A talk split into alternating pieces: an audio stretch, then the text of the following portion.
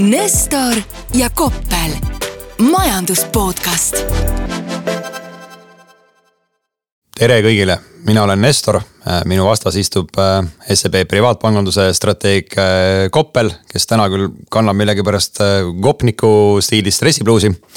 Meil on käes vähemalt praegusel hetkel siis kolmekümne esimene oktoober ja oleme alustamas järjekordset majandus podcast'i. ja vabandan ette, et sellel nädalavahetusel kaotasin ma lisaks eneseväärikusele ka hääle, aga proovime tänase saatega kuidagi nagu toime tulla. ja plaanis oli rääkida kõigepealt sellest, et miks inimesed endiselt nii palju tarbivad. sellest, kuidas Euroopa Keskpank üritab teha maksimaalse, et äh, inimesed nii palju ei tarbiks ja et kas elu hakkab lõpuks odavamaks minema tänu soodsamale maagaasile tere ka minu poolt ja minu vastas istub tõepoolest Nestor, kes näeb välja nagu kõrge maa keskklassi Rootsi poiss. ja mul ei ole mitte dressipluus, vaid see on huudi ja see on popp. ja eks ma üritan loomulikult sellega veidikene tõrjuda eemale oma tõkestamatult juba aastaid lähenevat keskiga. aga see selleks, kuidas selle tarbimisega nüüd on, et et me siin oleme ümberringi tasapisi vaadanud, me oleme vaadanud seda, kuidas kommunaalarved kasvavad, minul vist oli ka eelmise kuu kommunaalarve ikkagi kordades kõrgem kui eelmisel aastal samal ajal. ja tarbimiseks nagu ei peaks nagu nii palju jääma, kõik on hirmsamal kombel mures. aga sul on vist selle kohta mingisugune natukene nagu selge, selgem arusaam, et kuidas selle tarbimisega meil on ja kas, kas meil tõesti siis kohaliku majanduse pöörded on allapoole käimas või ei ole?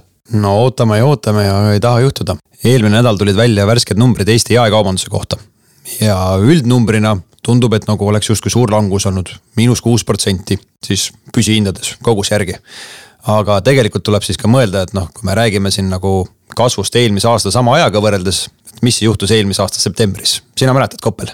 ei mäleta no tuli pensioniraha ju kontole, kõik see, kogu see buum, mis toimus, ehk siis tegelikult see praegune võrdlusbaas on äärmiselt kõrge. ja noh, selle osturalli pealt miinus kuus protsenti tegelikult on super tulemus, mis näitab jällegi seda, et nagu no ennustame, mis me siin ennustame ja räägime kriisist ja majapidamiste tarbijakindlus on tagasi aastas üheksakümmend neli, aga kas sa näe, ikkagi poodi kõik inimesed jõuavad, et noh, tegelikult ka käibe mõttes ju ikkagi nii-öelda eurodes mõõdetuna ju ka käive kasvas ka aastases lõikes pluss kaksteist protsenti, et äh, raha ei ole Eestis otsa saanud. kusjuures midagi sarnast on võimalik täheldada ka mõnes muus kohas. sellepärast, et äh, sarnased andmed tulid ka Saksamaal ja kui teatavasti Saksamaal siis ostujuhtide indeksid äh, on viidanud sellele, et äkki on isegi olukord hullem kui kaks tuhat kaheksa ja ma ei tee nalja, tõepoolest äh, ostujuhtide indeks ja selline arusaam tulevikust oli seal mingisugusel hetkel selgelt noh, väga-väga negatiivne. siis just nimelt tarbimise osas on tarbija see, kes on hästi vastu pidanud ka Saksamaal ja üllatavalt hästi. põhjuseid loomulikult on suhteliselt keeruline selle, selleks öelda, et kas, kas see on sellepärast, et ollakse tuleviku suhtes optimistlikud. või asi on lihtsalt selles, et sakslased, kellele üldse inflatsioon ei meeldi, on sellise ligi kümneprotsendilise inflatsiooniga osa otsustanud oma säästud mingiks kaubaks keerata. ma vaatasin ise ka Eurostatist numbreid, et noh, tegelikult, et kui nüüd päris nüüd aasta-aastasse jällegi neid kasunumbreid vaadata, et siis on ikkagi nagu Saksamaa võib-olla paistab äh, teiste suurte Euroopa riikide seas ikkagi negatiivselt silma. et noh, seal aasta lõikes on äh, maikuusest alates tegelikult jaekaubanduse äh, mahud kahanenud. sama lugu tegelikult ka Itaalias, aga samal ajal siis Prantsusmaa ja Hispaania, et kaks teist suurt majandust, et noh, seal samamoodi, et endiselt nagu Eestiski kõik kasvab ja mis võib-olla ka nagu iseloomustab äh, nende riikide nagu majanduse struktuuri erinevusi, eks. et no Itaalias muidugi on kogu aeg halvasti, aga Saksamaal siis tänu just sellele tööstussektori madalseisule on, on ka tarbijad murelikumad just nimelt jah, et, et selles mõttes, et siin ei tasu, äh, võib-olla jäi minu jutust natukene vale mulje, et nagu seal oleks kõik, kõik hästi selles kontekstis. Äh, selles mõttes, et ei ole kõik hästi, aga lihtsalt kui nüüd mõelda seda üldist sentimenti ja ostujuhtide indeksit ja seda, mida majandusest üldiselt arvatakse, siis see jaekaubandus, mis on küll väga langenud, et ta ei ole langenud nagu nii palju, kui kogu see, need nii-öelda üldiste muude näitajate kokteil nagu vihjata võiks. aga tulles nagu Eesti juurde tagasi, et äh, see ei ole nüüd kindlasti mingisugune septembri teema või, või nüüd mingi sellest praegusest situatsioonist tingitud, aga mis sa arvad, et kus nagu kasvab kiiresti ja kus kasvab aeglaselt? Äh, mis mõttes, kus kiiresti? ütleme, kui me räägime aega jaekaubanduse sellistest alamsektoritest või no mis sa arvad, et kus võiks minna keskmisest kehvemini praegu? Väga keeruline öelda, selles mõttes, kui ma hakkan nüüd mõtlema mingisugustele sellistele majandusteoreetilistele kunagi mingisugustest raamatutest, raamatutest loetud asjadele, siis ma mõtlen kohe, et. ja et inimesed äh, sellistes olukordades, kus on kõrge inflatsioon, ei kipu nagu riideid ostma näiteks. No sellega sa said pihta, üllatuslikult on muuseas ka nagu suhteliselt kehvad numbrid äh, supermarketitel, et ma ei tea, et võib-olla inimesed lihtsalt ei osta enam Prismast riideid siis või aga kellel on siis nagu hästi läinud üllatuslikult, on äh, viinapoed ja tanklad, et see on nagu kaks valdkonda, mis äh, tunduvad buumima ka ajal, kui inflatsioon on kakskümmend viis protsenti. oota, tanklates siis sellises äh, mõttes ka, et rohkem liitreid ostetakse kui muidu? No sellega ma tean, et Eestis on sihuke libeda nimega institutsioon nagu Eesti Õli, Õliühing, kes nagu vaidleb selle vastu, et kui palju seal liitreid nüüd müüakse, et nad ei ole nõustu statistikaametiga jah, aga noh, tanklates müüakse on ju kabanossi ja kohvi ka. et just, et tanklate müük jah, on tegelikult hästi tugev olnud ka mahu mõttes, mitte siis nagu eurodes ainult no aga võib-olla tõesti sellepärast, et kuna restorani õhtusöök on kallis, teatripiletid on kallis, kallid, et siis äkki kasutavad noored ka sellist huvitavat võimalust, et võtavad bensiinijaamast kakao ja sõidavad kuhugi ja vaatavad merd. ma ei ole küll nüüd paar nädalat kuhugi restorani sattunud, aga mul on Eestis mitte, aga, aga tunne on, et ega seal ei ole ka nagu olukord lihtsamaks läinud, et äh, laua saamise mõistes. kusjuures olen pidanud äh, viimase võib-olla pooleteist kuu jooksul paar korda reserveerima ja siis mõlemad korrad, kui äh, seal käidud sai, siis juhtus selline huvitav asi, et ümberringi kõik oli täis, kuskil kell seitsmest läks hirmsaks sagimiseks, kõik oli täis aga mõlemal korral ümbritsesid äh, mind täies ulatuses ainult välismaalased. ja noh, jällegi, kuidas nüüd nalja visata, et siis Eesti ekspordi seisukohalt ju väga fantastiline. aga ma pean tunnistama, et sellist asja ma varem näinud ei olnud no teenuste ekspordiga meil on ka vist endiselt hästi, aga no rääkides võib-olla sellest nagu tarbimise ja jaekaubanduse tulevikust, et mina olen küll juba muutunud äh, selliseks, et ma ei julge enam mingisuguseid ennustusi teha. et kui me vaatame nagu ajalooliselt, siis äh, Eestis tegelikult seda jaekaubanduse käekäiku on hästi ennustanud äh, tarbijakindlustunde indeks, mida on meil siin varastest üheksakümnendatest on ju arvutatud. ja nagu ma olen ka äkki mingi mõnes varasemas podcast'is öelnud, et äh, viimati see näitaja oli nii madal aastal üheksakümmend neli et nüüd küll viimane oktoobri näit sealt tegi väikse jõnksukese ülespoole, aga noh, see väike jõnksuke ülespoole väljendab endiselt sellist nagu tõesti surmaeelset pessimismi vist. aga tõepoolest, et noh, kuidagi nagu numbritest on ju, ei paista see mitte kuidagi välja no aga sellisel juhul noh, ütleme niimoodi, et kui äh, üritada võib-olla kuidagi mingisuguseid paralleele turgudega tuua, siis turgudel kipub olema niimoodi, et kui on sarnane olukord. et justkui peaks minema halvaks, aga ikka ei ole läinud. Äh, ja ikka ei ole läinud ja ikka peab hästi vastu, siis kuidagi see pinge koguneb ja siis ühel hetkel see kukkumine tuleb väga järsk. et äh, noh, loomulikult mina, ma ei oska öelda, kas meie tarbimises ka midagi sellist tuleb, ma lihtsalt toon sellise paralleeli kuivõrd realistlikuks sina seda pead või sa ütled, et sa ei julge igaks juhuks midagi öelda enam? no mu tunne oleks, et peaks ka kukkuma, aga noh, mis on nagu võib-olla sihuke nagu põnev asi, et äh, kui siin ka nagu meie enda siin tööandja andmeid vaadata, et me räägime küll kahekümne viie protsendilisest inflatsioonist aga tegelikkuses, kui me vaatame nagu inimeste kulutusi, et need ei ole millegipärast nii palju suurenenud. samal ajal on ju, ütleme, et jaekaubanduses müük hea, noh keegi siin võib-olla nagu poole vähem pole elektrit ka tarbima hakanud, on ju eraisikute tasandil, et äh, alati saab süüdistada ka statistikat, eks. Alati saab statistikat süüdistada, aga äkki läheme selle juurde, mis paljusid inimesi ka ehmatab lisaks kallile, kallile energiale ja kõrgele inflatsioonile, et see, kuidas, kuidas hakkab liikuma nende eluasemelaenu kuumakse. Oh,. ja no ei tasunud osta sinna Noblessnerisse seda penthouse'i nagu kuuesaja tuhande eest, eks no selles, see, ütleme nii, et see selgub hiljem. täpselt samamoodi nagu äh, mõningate inimeste jaoks on nüüd, nüüdseks selgunud, et äh, nende kahe tuhande seitsmendal aastal äh, kevade poole tipust ostetud kinnisvara ikkagi oli täitsa hea mõte. aga võib-olla noh, et meil on ikkagi sihuke nagu majandus podcast, et räägime need keskpanga uudised ka ära, et eelmine nädal siis Euroopa Keskpank teatas järjekordsest intressitõusust null koma seitsekümmend viis protsenti ehk siis äh, oleme jõudmas juba sellistesse numbritesse, kus nagu intressimäär nagu päriselt on olemas, et ei, ei hakka miinuse ega nulliga. ja tõepoolest ja isegi turud eeldavad, et selline keskpanga su suunav intressimäär võiks äh, jõuda kuhugi sellise kahe koma kaheksa tasemele. ehk siis see meie kunagine välja käidud äh, Euribor kolm ei ole enam midagi sellist, mis oleks ebarealistlik. ma küll nüüd sain aru, et äh, jällegi lugedes siis nende vahvate inimeste kirjutisi, kes on siis keskpanga analüütikud, kes peamiselt tegelevad siis nagu sihukese semantilise analüüsiga, et kuhu on nagu ECB pressiteates koma pandud. et seekord ma saan aru, et koma oli kuhugi nihkunud, millest hakati juba järeldama, et äkki ikkagi järgmine intressitõus ei ole enam null koma seitsekümmend viis protsenti, vaid on null koma viis protsenti.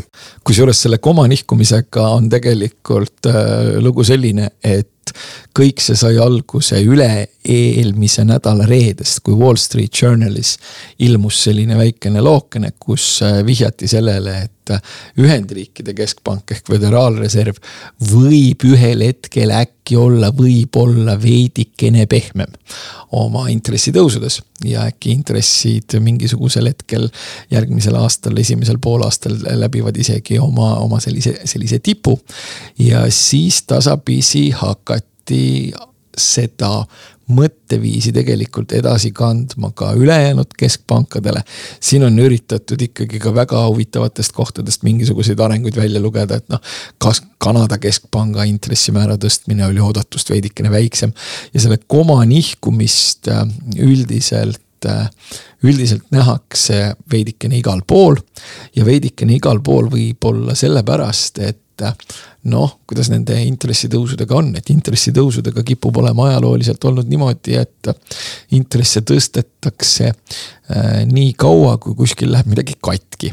ehk siis mingisugune selline nõrkus äh, majanduses või mingisugune. aga ma saan aru, et noh, suur probleem on see, et äh, sa võid tõsta, aga et ta ei lähe nagu kohe prõksti katki, vaid et äh, pinge hakkab kogunema alles siis sel hetkel. just nimelt ja sellega on selline lugu, et eks siis üritatakse ilmselt ka nagu äh, ajaloost õppida et, et, et, et võib-olla võtaks natukene pehmemalt ja võib-olla prooviks siis ikkagi teha niimoodi, et midagi, midagi katki ei lähe.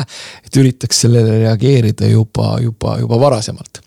noh, see on üks aspekt, teine aspekt on loomulikult see, et kui me siin räägime ka sellisest galopeerivast inflatsioonist, siis galopeeriva inflatsiooni kontekstis euroalal noh, need intressid on igasuguste reeglite järgi liiga madalal, et noh, võtame mingisuguse ajaloolise teadmise, siis ajalooline teadmine ütleb, et keskpanga suunav intressimäär peaks olema kolm kvartalit kõrgem kui inflatsioonimäär, noh võtame selle mhm, mhm. teadmise, siis võtame sellise teadmise, et eksisteerib selline tore asi nagu Taylor rule, mida kõik võivad äh, guugeldada, kui nad tahavad, et mida see täpselt tähendab.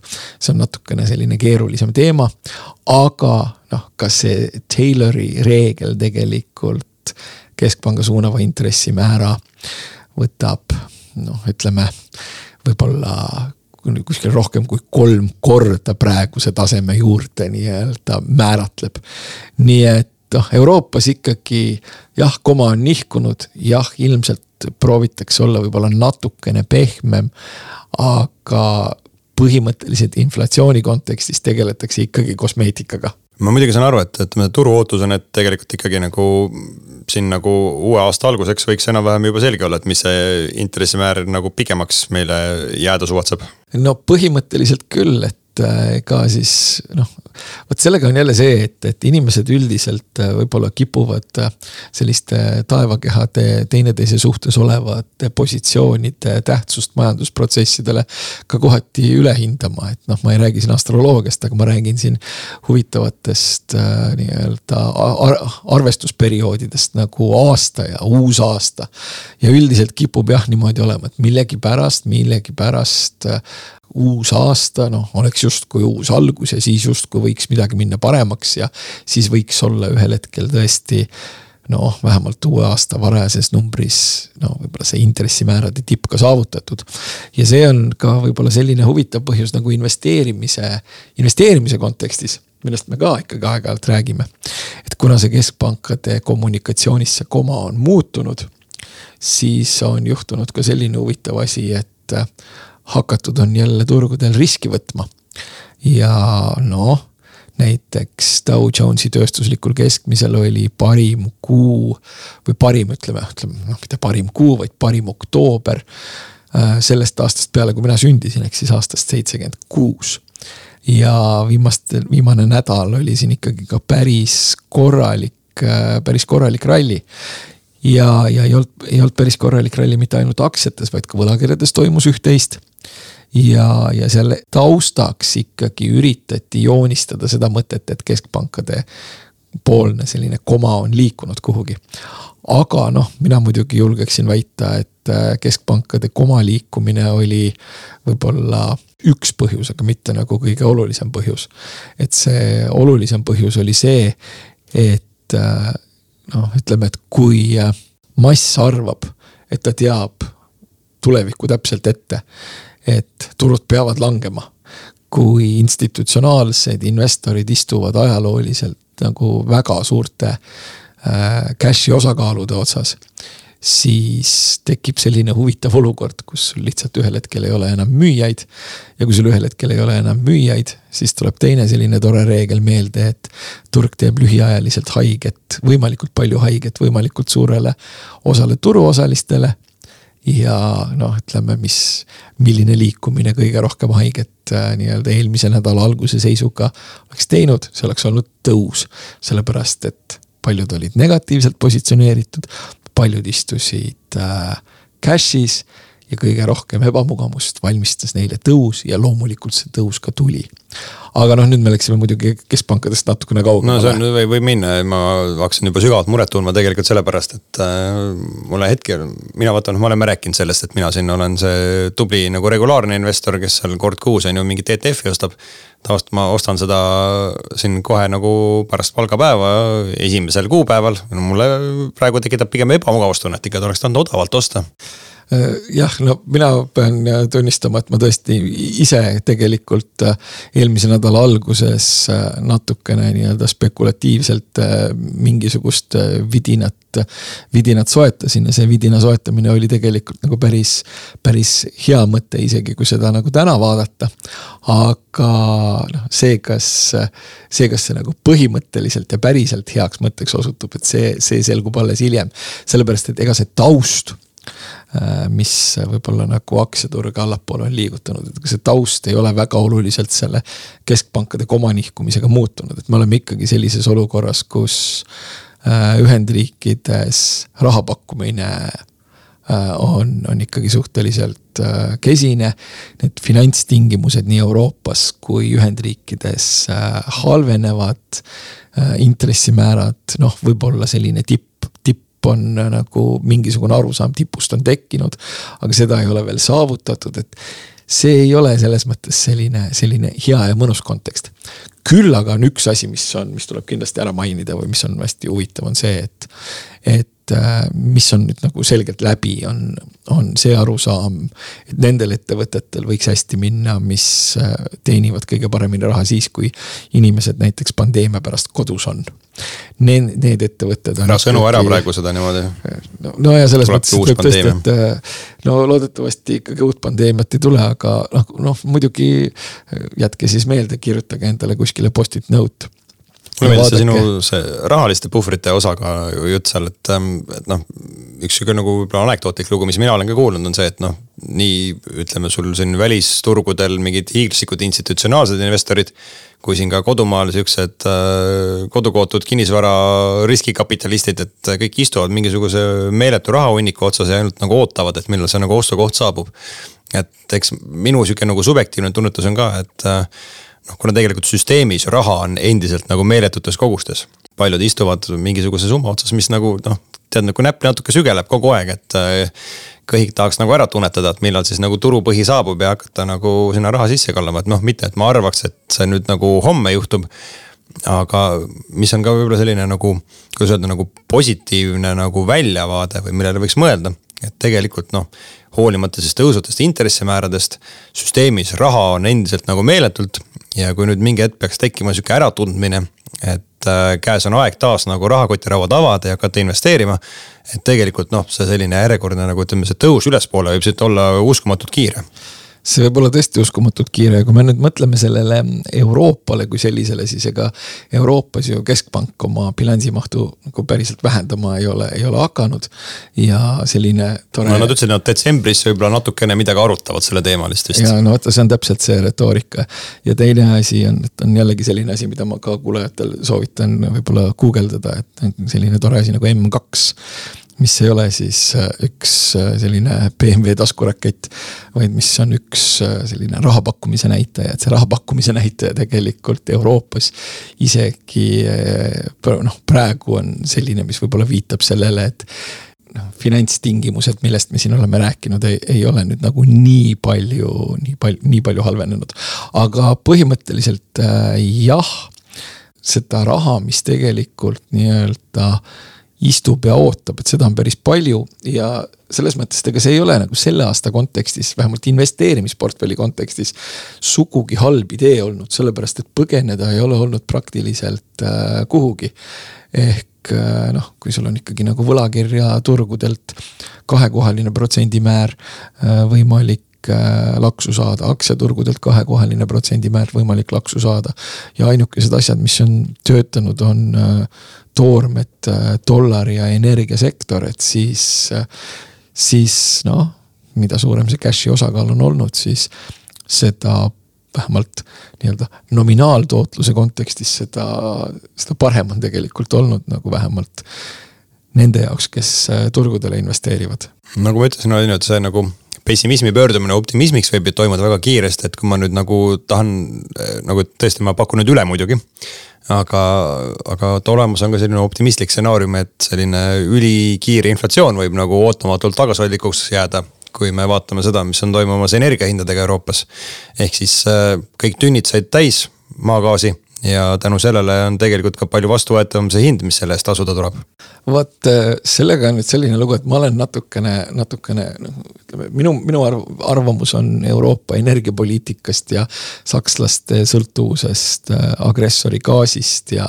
ja kogu sellest, noh minu meelest see on üks selline nagu paras kobarkäkk. ja kui ma nüüd mõtlen sellele gaasi olukorrale, siis see gaasi olukord ja see, et kõik tünnid on täis on tingitud millest, see on tingitud äh, sellest, et ühel hetkel oli teatud paanika. hind läks üles ja kõik kippusid seda puudujääki nagu üritama kuidagi, kuidagi täita. nii, see tekitas sellise olukorra, kus tünnid said äh, kiiresti täis ja osad laevad nagu pidid lihtsalt äh, reidil seisma oma gaasiga, sellepärast et seda gaasi ei olnud neil kuhugi ümber pumbata. ja siis põhimõtteliselt veel tekkis ka selline huvitav olukord, kus oktoober oli erakordselt soe, et äh, noh, mis siin oli, et äh, noh, paremates kohtades Itaalias on praegu kakskümmend kuus kraadi ja, ja viinamarjad. ja, ja ka Saksamaal oli oktoober erakordselt soe. ehk siis see gaasi ülepakkumine ja, ja madal hind ja, ja kohati isegi äh, väga madal hind, et see oli rohkem nagu tingitud sellest, et ajaliselt nagu see nõudlus ja pakkumine ja, ja, ja ilmastikuliselt see nagu ei olnud siis nii-öelda gaasi jaoks äh, teps mitte soodne. et kui me nüüd siin ettepoole vaatame, vaatame nagu jaanuari ja veebruari, siis ma, siis ma selle gaasi hinna osas nüüd nii optimistlik ikkagi, ikkagi olla no, ei saa. sa oled selline nagu keskmine nagu energiasektori analüütik, et äh, ma olen ka neid lugenud siin viimasel ajal, et äh, noh, ma tegelikult muidugi, et ma arvan mina ja Peeter, me oleme siin nagu väga ühel meelel, et tegelikult, mis see väljavaade on. aga ma olen pidanud seda nagu natuke naljakaks, et kuidas kõik energiasektori analüütikud räägivad nagu ühest suust, et noh. kuulge, see, mis te praegu näete, et see on alles nagu kõige algus ja oi, nüüd hakkab alles hind kerkima aga näed sa, et nagu maagaasi puhul ta on juba nagu, nagu kolossaalselt allapoole tulnud ja tegelikult ka nagu nafta, on ju. et äh, täpselt samamoodi naftaga öeldakse, et no oi, nüüd alles hakkab ta kerkima, aga, aga nagu räägitakse ja räägitakse ja siiamaani pole juhtunud vaata, aga sellega on võib-olla natukene selline lugu, et äh, noh, tasub võrd-, võrdluseks meenutada seda, mis juhtus kaks tuhat kakskümmend kevadel naftaga, kus siis ühel hetkel olid tünnid nii täis, et äh, kellelgi ei olnud naftat kuhugi panna, toodeti peale. ja siis isegi nafta hind oli üks vahe veidikene, veidikene aega negatiivne. ja see veidike aega negatiivne oli siis nii-öelda see oli, see oli piisavalt kummaline, et paljud inimesed arvasid, et nüüd on maailma lõpp. ja nüüd niimoodi jääbki ja nüüd on naftaga üleüldse kõik ja kõik ja kõik on halvasti ja kõik on pahasti. aga see oli siis konkreetselt ajaline probleem, ehk siis ajalises kontekstis ei olnud seda naftat kuhugi panna ja seetõttu oli see hind negatiivne. järgmise tähtajaga futuur kauples noh, täiesti tolle aja kohta nagu no oli küll suhteliselt odav, aga ta kauples nagu täiesti arusaadaval tasemel. sellest järgmine Fultuur kauples jällegi nagu täiesti arusaadaval tasemel. ehk siis selle gaasiga võib olla äh, samamoodi, noh, ma ei äh, ütle, et, et see hind nagu sinna eelmiste tippude juurde nagu tagasi läheks, et see on ikkagi liig, see oli, see oli selge paanika. aga noh, see muster selle naftaga võrreldes kaks tuhat kakskümmend kevad. see on midagi, mida ma välistada ei, ei, ei, ei julgeks. aga, aga noh, oletades, et äh, tünnid jäävad täis veel mõneks ajaks, on ju, et äh, Itaalias endiselt ilm on päris kena. Äh, siis tegelikkuses siin ütleme paari kuu lõikes vähemalt, see võib seda nagu päris tugevat sellist nagu alandavat mõju omada inflatsioonile, mis tähendaks jällegi omakorda võib-olla keskpanga jaoks seda, et äkki see nagu surve ei ole niivõrd tugev et äh, noh, saabki selle null koma seitsmekümne viie asemel null koma viis tõsta ja öelda, et päästsime Euroopa majanduslangusest tänu sellele. Äh, jah, tõepoolest, et selles mõttes võib küll olla, et, et kui see energia hind annab, kui gaasi hind annab järgi, kui energiahinnad üldiselt annavad järgi, siis tõesti võib see keskpankade koma jällegi mingisuguses suunas veidikene liikuda. ja see mingisugune suund on pigem nagu see suund, kus, kus keskkond muutuks leebemaks ja kui keskkond muutub leebemaks, siis riskantsetel varadel ikkagi läheb, võiks minna nagu suhteliselt, suhteliselt hästi. sest et noh, ka selles nüüd selles Euroopa Keskpanga selles eelmise nädala pressiteates tegelikult ikkagi nagu seda majanduslangust seal nagu mainiti ära sellise päris olulise tegurina, millest lähtutakse ka intressipoliitika seadmisel ja noh, mulle ikkagi täna tundub, et nüüd, kui Euroopa peab valima nagu kahe halva vahel, et üks on äh, ülikõrge inflatsioon ja teine on majanduslangus. siis pigem nad nagu lähevad selle ülikõrge inflatsiooni teed, kui tõesti tahavad nagu mingisugust äh, katastroofi põhjustada niigi hapras seisus nagu suurriikide majanduses siin. noh, selle kohta võiks öelda, et äh, rahatrükk on äh, ja, ja inflatsioon kipuvad alati olema noh, poliitikute meelest eelistatud äh, lähenemised sellistele, sellistele olukordadele ja noh, ma arvan, et meiegi siin oleme sellel teemal nagu suhteliselt äh, selgelt ja suhteliselt palju, palju spekuleerinud. aga noh, ütleme selle kohta nii, et äh, see muidugi jällegi tähendaks seda, et, et loodaks ilmselt, loodaks ilmselt mingisugune teatud vundament järgmiseks märkimisväärseks inflatsioonipuhanguks. no aga see äkki tuleb jälle tead, paari aasta pärast, siis on keegi teine juba Euroopa siis keskpanga juht ja leiab omad lahendused sellele jah, seepärast, et noh, Euroopa Keskpanga juhid on alati päris huvitavad tegelased, et. et mina mäletan suure finantskriisi ajast ühte neist, kes tõstis intresse siis, kui maailm sõna otseses mõttes ümberringi põles. ja siis sellel nädalavahetusel praegune keskpanga juht ütles, et tema täpselt nüüd küll ei tea, et see inflatsioon tuli ikka täitsa sellisest kohast, kus, kus noh, ühesõnaga me ei tea, kust see tuli mis on iseenesest hästi huvitav, arvestades sellega, et ta on ikkagi varasemalt äh, nagu nii-öelda mõõdukas koguses endale tuhka pähe raputanud, et nad ikkagi nagu teaks, kuskohast see inflatsioon tuli. no aga maailm on imeline, majandus keeruline, tõmbame tänaseks äh, joone alla ja kohtume uuesti kahe nädala pärast. kõike kõige paremat. Nestor ja Koppel, majandus podcast